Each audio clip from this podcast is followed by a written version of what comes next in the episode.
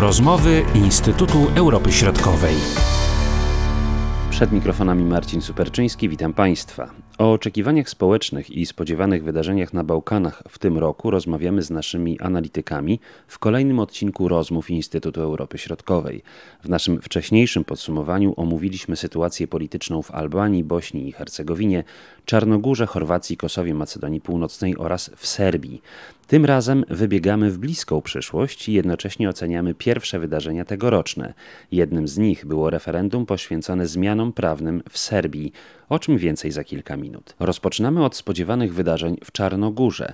Tak jak mówiliśmy wcześniej, ciężkie chwile przechodzi ekspercki rząd w tym państwie. Niewykluczone, że dojdzie tam do nowych wyborów, które nie muszą specjalnie zmienić sytuacji wewnętrznej. Czego możemy się spodziewać, wyjaśnia Agata Domachowska. Cały czas toczący się kryzys wpływa negatywnie nie tylko na proces integracyjny Czarnogóry z Unią Europejską, który jest niezwykle ważny dla społeczeństwa, ale także wpływa na to, że określone reformy E, nie mogą być przeprowadzane przez rząd, który nie ma silnego poparcia w samym parlamencie. Dlatego no tutaj e, będziemy patrzeć, e, czy faktycznie do tych zmian w najbliższych miesiącach dojdzie. Możliwe jest przegłosowanie wotum nieufności, stworzenie jakiegoś nowego rządu lub po prostu przeprowadzenie nowych wyborów na wiosnę w Czarnogórze ale moje wątpliwości są związane z tym, na ile nawet, jeżeli by doszło do zorganizowania E, nowych wyborów, one faktycznie przełożyłyby się na zmianę realnej sytuacji w państwie. Patrząc na poparcie dla poszczególnych ugrupowań politycznych w Czarnogórze, to, to poparcie jakoś znacząco nie zmieniło się e, na przestrzeni ostatniego roku, więc prawdopodobnie można przypuszczać, że ten skład parlamentu byłby, by, byłby dość e, podobny ze wskazaniem na troszeczkę większe poparcie jednego czy większego E, bloku, ale jak widzimy wewnętrzne tarcia w obecnym rządzie, no to tak naprawdę też e, nie do końca jesteśmy w stanie przewidzieć, kto ten nowy rząd byłby w stanie tworzyć. Dlatego tutaj tak bardzo optymistyczna co do jakichś znaczących zmian, które by mogły e, nastąpić, raczej nie jestem. No mam nadzieję, że będę się tutaj w, tym punkcie mylić. Może też się wydarzyć tak, że w lutym nic się nie zmieni, tak? I do jakiegoś, do jakichś znaczących zmian E, także nie dojdzie, bo na przykład zabraknie kworum w parlamencie. Pewnie do, do takich e, zmian e, jakichś znaczących nie dojdzie tak samo w Albanii. No tutaj ciekawy, ciekawym znakiem zapytania jest, jak za, zakończy się proces impeachmentu samego prezydenta, czyli pierwszy taki proces wszczęty w Albanii. Już posiedzenie samego sądu miało odbyć się w styczniu, ale ze względu na zachorowanie jednego z sędziów na, na COVID zostało ono przełożone na, przełożone na luty. No zobaczymy, czy się odbędzie. E, tak czy inaczej musi dojść do wyboru e, nowego prezydenta w Albanii. No i ciekawe jest e, to, jak w obliczu no, tych wewnętrznych sporów, które na pewno będą się toczyć jeszcze, jeszcze w tym roku, tak szybko nie dojdzie do rozwiązania tego sporu wewnętrznego w największej partii opozycyjnej w Albanii, jak będzie funkcjonować rząd, bo nie da się ukryć, że E, te konflikty w ramach opozycji albańskiej sprzyjają samemu premierowi, który przecież też musi zmagać się z wieloma e, problemami, jak podobnie jak inni przywódcy Bałkanów w obecnej sytuacji, czy to wyzwaniami gospodarczymi, społecznymi, czy, czy tutaj kwestia e, samej pandemii. No ale te właśnie konflikty na, na opozycji idealnie odwracają wzrok społeczeństwa od, od tego, czym faktycznie obecnie E, rząd się zajmuje, ale no, taka sytuacja nie będzie trwała wiecznie. No i ciekawe, i to, to na pewno na co e, liczą e, nie tylko sami Macedończycy czy Albańczycy, no to to jest kwestia wreszcie rozpoczęcia tych negocjacji akcesyjnych. To jest kwestia, na którą szczególnie będziemy musieli e, zwracać uwagę w następnych miesiącach, na ile nowi premierzy Macedonii Północnej i Bułgarii e, zgodzą się na to, aby zawrzeć jakieś porozumienie, aby ten spór polityczny faktycznie E, został rozwiązany, no bo to jest kwestia kluczowa e, dla społeczeństw tych dwóch państw, ale także dla społeczeństw e, Bałkanów Zachodnich, które w swojej większości jednak opowiadają się za integracją ich państw w Unii Europejskiej i, i na, to, na to liczą. To zahamowanie tego procesu wpływa przecież też negatywnie na, na nastroje prounijne w ramach społeczeństw bałkańskich, które widzą właśnie w Europie swoją przyszłość. Najważniejsze wyzwanie stojące przed Bośnią i Hercegowiną to referendum prawa wyborczego, a w Chorwacji trwają przygotowania do wprowadzenia euro, o czym mówi Jan Muś. Też nie jestem jakimś specjalnym optymistą W Bośni skoncentrujemy się na pewno na reformie prawa wyborczego, chyba że coś się rzeczywiście wydarzy w międzyczasie. I to będzie przykuwało uwagę wspólnoty międzynarodowej w największym stopniu i potem zaciąży w jakimś stopniu na, na, na relacjach chorwacko-bośniackich i pozostałych. Aczkolwiek no nie wiadomo, czy ta reforma będzie przeprowadzona, ponieważ Bośnia uczy wielkiej pokory, jeżeli chodzi o oczekiwania czegokolwiek tak naprawdę. No tutaj wszyscy oczekujemy od 91 czy drugiego roku, że coś się zmieni i no niewiele. I mam, jesteśmy w punkcie wyjścia cały czas z jakimiś tam drobnymi korektami terytorialnymi. To jest raz, a Chorwacja to jest rok y, przygotowań do odbijania się po, po, po, po COVID-zie i rok przygotowań do przyjęcia euro. Być może wprowadzenia Chorwacji do strefy Schengen, co obiecał prezydent Macron, kiedy sprzedał Chorwatom samoloty bojowe. Dla premiera Plenkowicia to może być taki rok tutaj przygotowań do wielkiej koronacji. Ciekawym wątkiem, który będziemy rozwijali w następnych nagraniach, będzie kwestia oceny sytuacji wokół Ukrainy i chorwackiego dwugłosu w tej sprawie ze strony prezydenta Zorana Milanowicia i premiera Andreja Plenkowicia. Nie zabraknie też serbskiej perspektywy w tej sprawie. A skoro jesteśmy przy Serbii, to koncentrujemy się na prawdopodobnie najważniejszym wydarzeniu w tym roku, a mianowicie na zbliżających się kwietniowych wyborach, o czym opowiada Konrad Pawłowski. Jeśli chodzi o y, Serbię, to rzeczywiście tutaj perspektywa jest krótkoterminowa, dotyczy wyborów i tego, co po wyborach. Więc ja mam wrażenie, że, że to będzie zwycięstwo SNS-u, ale ten kryzys polityczny, spór symboliczny, ustrojowy, polityczny wokół stanu demokracji w Serbii będzie kontynuowany po wyborach, wydaje mi się, wygranych przez Serbską Partię Postępową.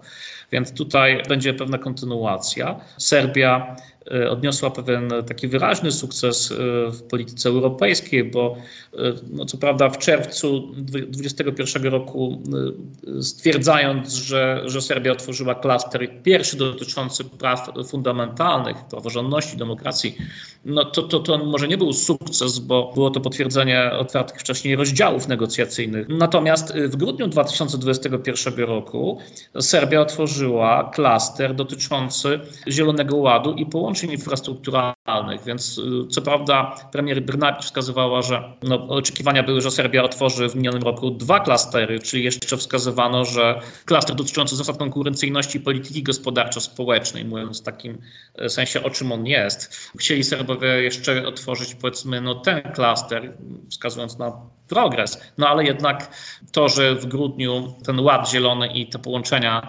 infrastrukturalne zostały otworzone, ten, ten rozdział, e, powiedzmy kolejny rozdział postępu Serbii na drodze do Unii Europejskiej. Ja uważam, że jest to sukces. Jest to sukces jednak, który, który mm, potwierdza, że Serbia na tej drodze europejskiej jest i że, że w tą stronę będzie się rozwijać. Oczywiście kolejnym tematem, który tu by się pojawił, to jest pytanie, na ile te, na ile te działania są powiedzmy szczere, czy, czy też może są pozorowane, jak twierdzi część opozycji. No ale wydaje mi się, że jednak e, tutaj prawdą jest, że to członkostwo członkostwo w Unii Europejskiej z wielu powodów y, jest tym, oczywiście powody ekonomiczne tu się pojawiają, ale jest tym najważniejszym celem polityki zagranicznej Serbii y, i tutaj y, miejmy nadzieję, że, że będą kolejne sukcesy, kolejne klastery w przyszłym roku będą przedmiotem negocjacji między Serbią a państwami Unii Europejskiej. Natomiast jeśli chodzi o Kosowo, to oczywiście kontynuacja reform, o których Aldin Kurti w dalszym ciągu mówi, modernizacja państwa, ale też twarda postawa w tym dialogu z Serbią. Tutaj myślę, że przełomowych oczekiwań ciężko jest oszukiwać e, w obecnej sytuacji. Też e, wydaje mi się, że no, w ramach tego spadającego poparcia dla partii e, Wedwendosie, no, wzrost poparcia dla tych partii, które rządziły, czyli PDK i LDK, myślę, że te partie będą coraz bardziej atakować premiera Kurtiego za w istocie niepowodzenia w reformowaniu państwa, czy, czy za jakieś powiedzmy błędy w polityce zagranicznej, czyli będą wyczekiwać na po prostu na potknięcia obecnego premiera. W mojej ocenie tak, tak to będzie wyglądało. W połowie stycznia byliśmy też świadkami, można powiedzieć, testu przedwyborczego, a mianowicie referendum, które było poświęcone zmianom prawnym dostosowującym serbskie prawodawstwo do unijnego. Frekwencja wyniosła niewiele ponad 30%, czyli była bardzo niska, co z pewnością nie ucieszyło strony rządowej i prezydenta Aleksandra Vucicia. Było to naturalne, że tego typu nowelizację reformy prawa należy przeprowadzić. Reforma ogranicza wpływ parlamentu y, serbskiego i rządu na wybór y, sędziów i prokuratorów. Mówimy oczywiście o takim ograniczeniu formalno-prawnym bo tutaj no, eksperci serbscy twierdzą, że to niewiele zmieni w praktyce, no ale to już jest inny temat. Natomiast sama reforma wpisuje się właśnie to, na co Unia Europejska zwraca uwagę: praworządność, demokracja, e, standardy, niezależność sądownictwa. Reforma wzmacnia zasadę trójpodziału władzy w tym sensie, e, która oczywiście jest w Serbii, natomiast no, chodzi o pewne detale, szczegóły. No i właśnie w tych detalach i szczegółach y, no, polegała specyfika tej reformy i także frekwencja, ponieważ y, większość obywateli Serbii po prostu nie rozumiała tej, tej reformy i nawet były szacunki, że 92% obywateli po prostu w grudniu nie wiedziało, o czym jest to referendum. No cóż, referendum dotyczyło kwestii szczegółowej. Strona rządowa też popierała oczywiście nowelizację, ale bez tradycyjnej wielkiej kampanii medialnej. Było widać, że oczywiście e, jest to poparcie, ale ono nie było jakieś takie oficjalnie przekonujące. Można było odnieść wrażenie, że po prostu władzom Serbii zależy na przeprowadzeniu tej nowelizacji że tutaj kwestia powiedzmy e, oczekiwań ze strony instytucji europejskich to jest ten determinant e, tej reformy. I też mam wrażenie, że, że władzom Serbii nie zależało na upolitycznieniu tej reformy w tym momencie, bo pamiętajmy, że, że niedługo w Serbii są wybory. Opozycji też w zasadzie, przynajmniej części opozycji, nie zależało na tym, żeby wchodzić w taki polityczny konflikt. Tutaj mam wrażenie, że i strona rządowa i najważniejsza część e, serbskiej opozycji, która jest ogniskowana wokół e, partii e, Wolności Sprawiedliwości Partii Demokratycznej po prostu no, szykują się na to takie starcie wyborcze 3 kwietnia. Te partie w istocie wezwały obywateli do tego, żeby nie uczestniczyli w referendum, uznając, że prawdziwy referendum odbędzie się 3 kwietnia. Y, część partii opozycyjnych jednak no, wezwała obywateli do, do głosowania przeciwko reformie, ale nie przeciwko samej reformie, bo w sensie politycznym to, miało być, to miało być głosowanie przeciwko y, no, Serbskiej Partii Postępowej i oczywiście przeciwko prezydentowi Vuciciowi. Wyniki tego referendum są po prostu niejednoznaczne, bo przy frekwencji nieco powyżej 30%. Powiedzmy, jest to sukces strony rządowej, bo większość y, głosujących, niecałe 60% zagłosowało za nowelizacją. Więc przy takiej frekwencji, która jest obiektywnie niewysoka, ta różnica jest między zwolennikami i przeciwnikami, ale to nie jest różnica, która by mogła tutaj coś bardzo wyraźnie zdefiniować w kwestii tego, kto jest zwycięzcą politycznym tego głosowania. Raczej można byłoby powiedzieć, że nikt go tak wyraźnie nie przegrał, ale nikt go też wyraźnie nie wygrał. Może jest to pewien taki taktyczny sukces ugrupowań zielono-lewicowych. To są ruchy miejskie, ruchy obywatelskie, ruchy społeczne, partie o takim lewicowo-centrowym y, y, profilu odwołujących się do kwestii chociażby ekologicznych. Ostatnio w listopadzie, w grudniu, także troszeczkę jeszcze w styczniu miały miejsce protesty y, przeciwko Rio Tinto, kopalni litu i boru, którą Rio Tinto miało budować w Serbii sprawa na razie jest y, zawieszona. Trzeba oceniać to bardzo spokojnie, bo jeśli chodzi o wyniki, które się pojawiały w ostatnich miesiącach, one wskazują y, na stabilną pozycję, jednak stabilne poparcie dla Serbskiej Partii Postępowej. Wyniki z listopada, badania demostatów wskazywały, że na koalicję y, rządową na czele z Serbską Partią Postępową i Socjalistyczną Partią Serbii zagłosowałoby około 55% wyborców. Badania ze stycznia y, tego roku pokazują, że na samą SNS tyle wyborców mogłoby zagłosować. Na najważniejszą y, część opozycji, taką opozycję, która mogłaby powiedzmy w jakimś sensie częściowo zagrozić y, tej dominacji na scenie politycznej, co nie znaczy, że Y, odsunąć od władzy SNS. No to ta, ta demokratyczna opozycja, ona jest zjednoczona w ramach koalicji zbudowanej wokół Serbskiej Partii Wolności i Sprawiedliwości oraz Partii Demokratycznej, no to ona w listopadzie osiąga wynik 16% poparcia, ale w styczniu około troszeczkę powyżej 13. Socjalistyczna Partia Serbii to jest mniej więcej poparcie w styczniu to jest około 10%, więc to dość, dość stabilne poparcie. No co z tego wynika?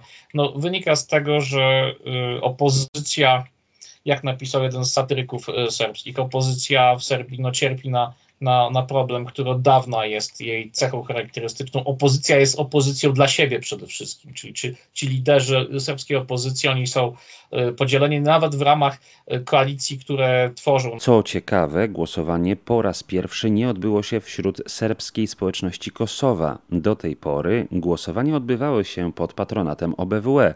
Tym razem władze Kosowa z premierem Albinem Kurtim na czele nie zgodziły się na przeprowadzenie referendum, podkreśla Konrad Pawłowski. Przez kolejne lata y, było tak, że wybory ogłaszane przez władze Serbii były y, na terytorium Kosowa. No, odbywały się te wybory, natomiast no, w sensie fizycznym głosowania przeprowadzała misja OBWE, y, która jest, więc w takim neutralnym wymiarze te głosowania, te głosowania odbywały się w lokalach wyborczych, ale to OBWE tym Y, tym zarządzała i na y, powiedzmy no, w enklawach serbskich i w północnym Kosowie to OBWE robiła, zbierała te głosy i po prostu te, te tak skrzynki z głosami były wysyłane do Republikańskiej Komisji Wyborczej i to działało. Natomiast pamiętajmy, że no, premier Kurti jest pryncypialny, nawet jego stanowisko w dialogu z Serbią, które w istocie no nie ułatwia, żeby ten dialog się rozwijał, jest pryncypialny, mówi o suwerenności, mówi o uznaniu. I y, mimo takich argumentów padających ze strony mocarstw europejskich, Francja, Wielka Brytania, tutaj ambasadorzy, Stany Zjednoczone, Unia Europejska, wszyscy no, wskazywali, że te wybory powinny odbyć się według tego wcześniejszego schematu, że to OBWE pomaga i jest to neutralna jakaś formuła. Kurti powiedział, że nie i on konsekwentnie podkreśla, że, że tutaj ta formuła y, jest szkodliwa dla, dla Kosowa, podważa niepodległość, podważa niezależność, Kosowa. Szkodliwa, więc niewiążąca i e, zresztą 15 stycznia, czyli dzień przed głosowaniem, przed referendum, po prostu zgromadzenie Kosowa przyjęło uchwałę, stojąc na tym stanowisku, że jest to sprzeczne z, z, praktyką międzynarodową, nie ma, nie ma, no sprzeczne z prawem międzynarodowym. Kosowa jest suwerennym państwem i nie będzie głosowania. OBWE chciała y, przeprowadzić to głosowanie w referendum, natomiast y, cóż, do tego nie doszło z uwagi na stanowisko władz y, Kosowa. Se Serbia zorganizowała głosowanie dla, dla Serbów, którzy chcieli y, wziąć udział w tym referendum. Y, oni mogli wyjechać i w gminach y, graniczących z Kosowem w południowej Serbii, powiedzmy, czy w Serbii Centralnej. Jak oni zagłosowali, czyli poza Kosowem, Natomiast to jest temat, który jest bardzo ważny. On, on, będzie ważny 3 kwietnia szczególnie i możemy się tutaj spodziewać, że w ciągu najbliższych miesięcy dojdzie do negocjacji tej kwestii w Brukseli i no, Unia Europejska będzie zapewne chciała przekonać e, premiera Kurtiego, żeby wrócił do tego poprzedniego modelu organizacji wyborów przy wsparciu OBWE, ale mam wrażenie, że premier Kurti jest zdeterminowany, żeby się nie zgodzić, co e, no, podnosi powiedzmy to ciśnienie w relacjach Serbia-Kosowo i, e, no, i chyba nie służy temu dialogowi. Jak widać, pryncypialne stanowisko władz kosowskich z pewnością nie ułatwi przyszłych rozmów z Serbią i pewnie będziemy świadkami dalszych napięć pomiędzy sąsiadami o czym będziemy mówili. A o specyfice ostatniego referendum w Serbii mogą Państwo także przeczytać w ostatnim komentarzu Konrada Pawłowskiego na stronie Instytutu Europy Środkowej. A teraz dziękujemy za uwagę i do usłyszenia. Marcin Superczyński. Były to rozmowy Instytutu Europy Środkowej.